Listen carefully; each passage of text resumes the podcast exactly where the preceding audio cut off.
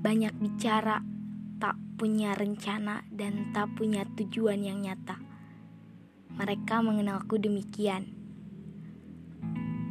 Mereka banyak mengira aku hanya suka menghayal belaka tentang para pujangga yang jauh di sana. Padahal itu hanya sebagian dari hidupku. Aku belum selesai membuat cerita.